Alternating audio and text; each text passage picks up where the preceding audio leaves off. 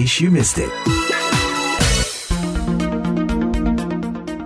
Pendengar pemerintah Taliban yang berhasil merebut kembali Afghanistan 15 Agustus lalu berjanji akan membentuk pemerintahan yang inklusif, menjaga kebebasan pers dan melindungi hak-hak perempuan sesuai hukum Islam.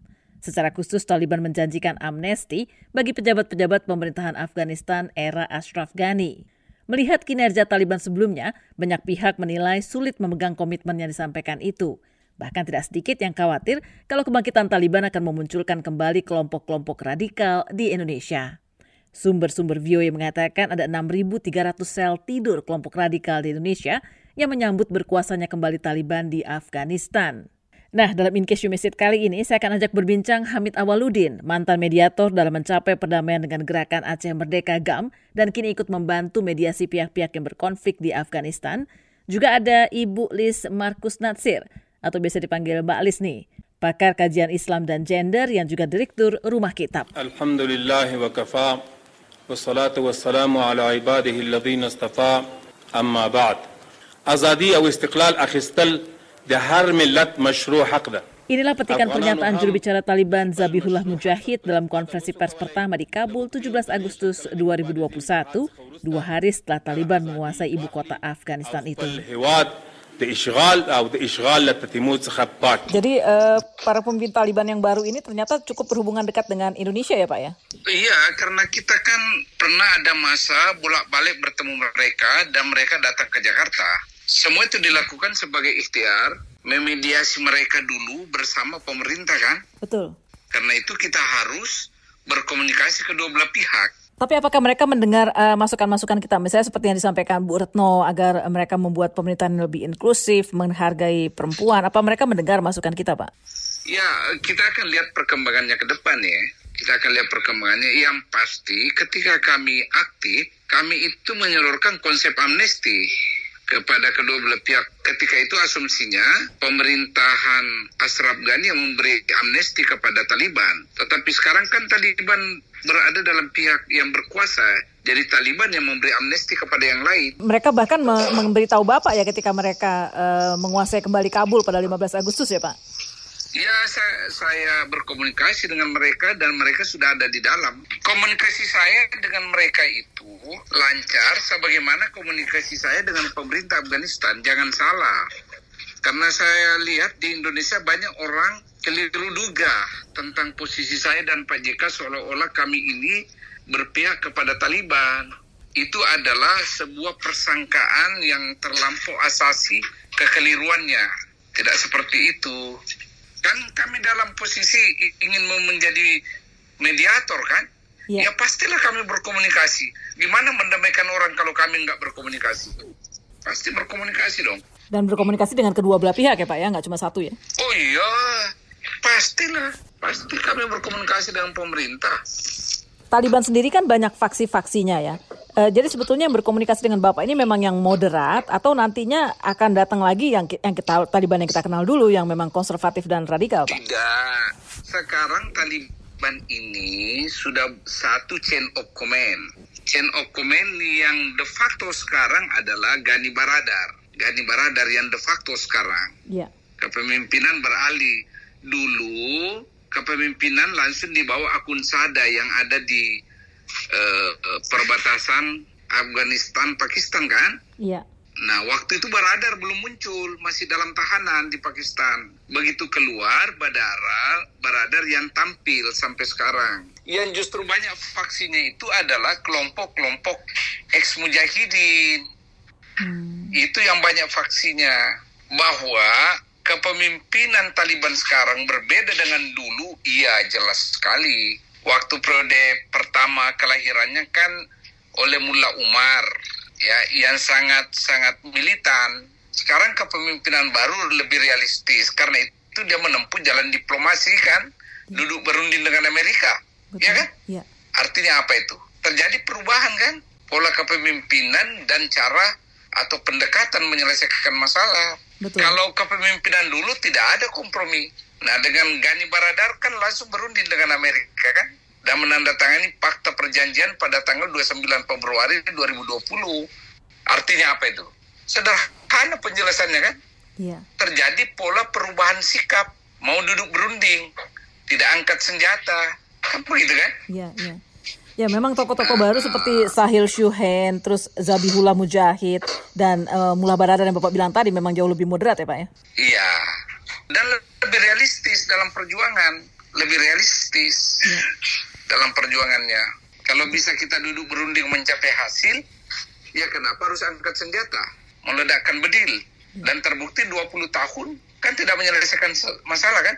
Nah begitu duduk berunding, Langsung Amerika menandatangani perjanjian, oke okay, kami berangkat, tapi jangan musuh kami, jangan jadikan Afghanistan sebagai tanah untuk menghantam kami kan? Iya. Konkret hasilnya kan? Artinya apa? Kali-kalinya adalah kali-kali rasionalitas yang realistis. Ka kalau orang militan kan tidak realistis kali-kalinya kan?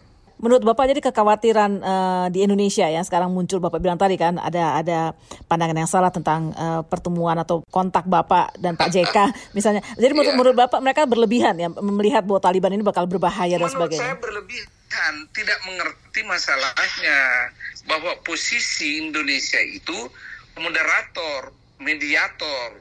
Kalau orang memediasi orang berpikir harus berkomunikasi intens dengan kedua belah pihak kan. Betul. Saya kasih contoh nih, contoh jelas. Pak JK diundang oleh pemerintahan Ashraf Ghani pada bulan Januari 2021. Kami berangkat, bertemu dengan berbagai menteri dan Ashraf Ghani. Kami nginap malah di istana. Setelah itu kami langsung terbang ke Doha kan bertemu pemimpin Ghani Baradar. Ya. Masa hanya ketemu Ashraf Ghani? Sementara yang mau dipercakapkan adalah hubungan Ashraf Ghani dengan Taliban kan? Ya. Ah, di Indonesia ketika itu yang dia tangkap kami berpihak kepada Taliban tidak dilihat ketika kami muncul di di Kabul bertemu dengan Ashraf Ghani. Ya. Balis, sebenarnya apa kita masih bisa mempercayai komitmen Taliban dan bahwa tidak akan ada dampak apa pun pada potensi bangkitnya kelompok radikal di Indonesia? Atau jangan-jangan proses Talibanisasi dalam tanda petik sebenarnya udah ada karena membaca hasil penelitian rumah kitab tahun lalu ada gejala nih, semakin konservatif tatanan sosial masyarakat kita, khususnya persepsi melihat perempuan. Itu udah uh, menggejala di di kita gitu ya dalam beberapa tahun terakhir dan saya sangat bersyukur bahwa berkesempatan melakukan penelitian ini secara intensif dan menemukan kata kunci-kata kunci penting dari uh, terjadinya proses housewifeization dengan basis teologi keagamaan atau atau dalam bahasa sekarang dalam konteks Taliban adalah proses Talibanisasi.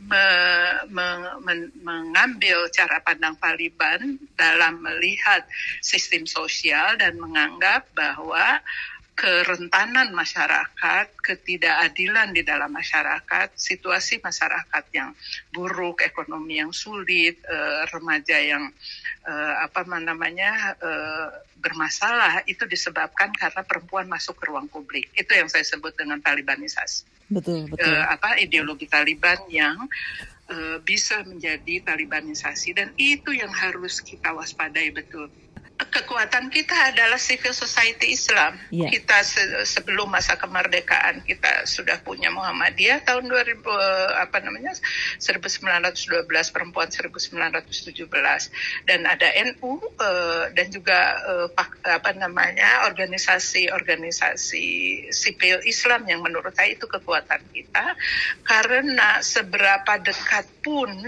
mereka pada kekuasaan misalnya di era Gus Dur gitu ya kan itu uh, NU tuh katakanlah jadi uh, the mainstream misalnya ya kayak gitu bahkan jadi elit misalnya. Tetap saja uh, sebagai organisasi mereka uh, keep distance dari uh, penguasa. Dan itu yang menurut saya kedewasaan itu yang uh, harus kita pelihara. Yang kedua and uh, civil society Islam sudah selesai urusannya tentang negara jadi mereka nggak tergoda tuh untuk oh kalau gitu uh, mumpung sedang berpuasa terus jadi berpikir untuk mendirikan negara Islam kan enggak. Jadi ideologi Pancasila uh, menurut saya ya itu sebagai miracle buat rakyat Indonesia, bangsa Indonesia yang harus betul-betul uh, guardiansnya justru di mayoritas ada di di umat Islam.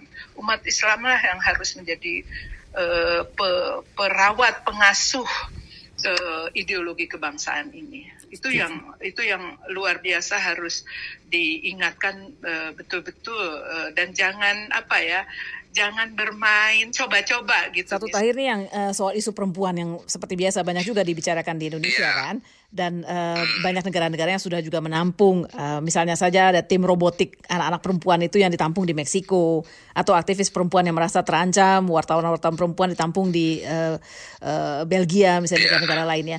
Menurut Bapak, yeah. apakah Taliban masih seperti yang dulu yang yang yang kita tahu, yang kita kenal misalnya menjadikan perempuan itu sebagai sumber konflik kalau sampai perempuan masuk ke ruang publik misalnya, atau yang sekarang ini memang sudah bisa menerima kehadiran perempuan di sektor misalnya kesehatan, misalnya pendidikan begitu, Pak? Iya, menurut saya mereka realistis menghadapi kenyataan sekarang.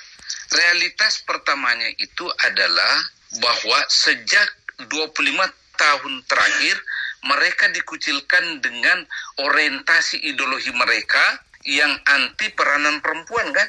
Iya. Nah, dengan realitas seperti ini tentu mereka mengubah sikap kan? Nggak bisa begini lagi dong. Yang kedua realitas ekonomi. Kalau mereka marginalkan perempuan, gerakan ekonomi tidak berjalan karena sebagian ekonomi itu, apalagi bangsa seperti Afghanistan yang terseok secara ekonomi, ekonomi bisa digerakkan dengan industri rumahan, yakni peranan kaum perempuan. Apa itu industri rumahan? Jahit menjahit, ya kan? Yeah. Itu kan sebuah gerakan ekonomi semua kan? Nah kalau dimarginalkan perempuan tidak dikasih peranan, bagaimana ekonomi mau jalan? Apa mau hidup terus dengan bantuan asing? Dan bantuan asing belum tentu datang sekarang kan?